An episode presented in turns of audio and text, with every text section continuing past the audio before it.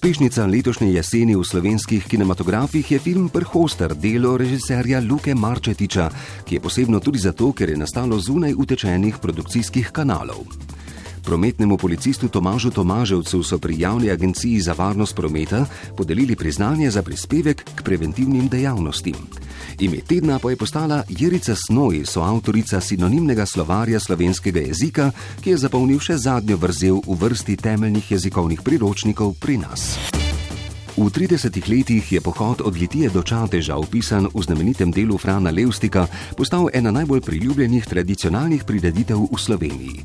Že od začetka je zraven organizator Rudi Bregar. Grafični oblikovalec Tomato Košir je za niz 15 naslovnic dnevnikovega objektiva letos v Berlinu dobil prestižno oblikovalsko nagrado Red Dot. Ime tedna pa je postala Damjana Fortunat Črnilogar, avtorica razstave ob stoletnici Cerkvice svetega duha v Javorci, ki je na ogled v znamenitem vojno-zgodovinskem muzeju na Dunaju. Letošnjo knjigo leta je napisal komik in pisec Boštjan Gorenc Pižama. Knjiga Slovenski klasiki 1 prinaša bralcem nenavadno zmes jezikovne telovadbe in sodobnih smernic v kombinaciji z velikani slovenske književnosti.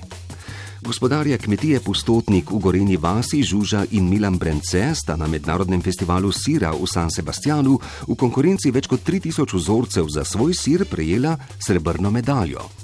Ime tedna pa je postala 13-letna učenka osnovne šole Dragatuš Daša Bahor, ki je na mednarodnem natečaju Svetovne poštne zveze za najlepše pismo prejela bronasto priznanje.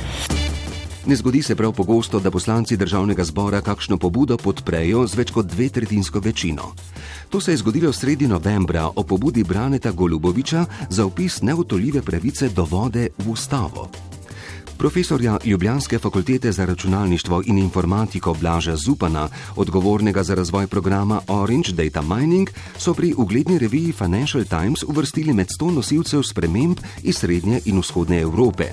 Ime tedna pa je postala novinarka Lidija Hren, vodja podatkovno-preiskovalne skupine Extra Visor, ki je razkrila negospodarno ravnanje z javnim denarjem v zdravstvu.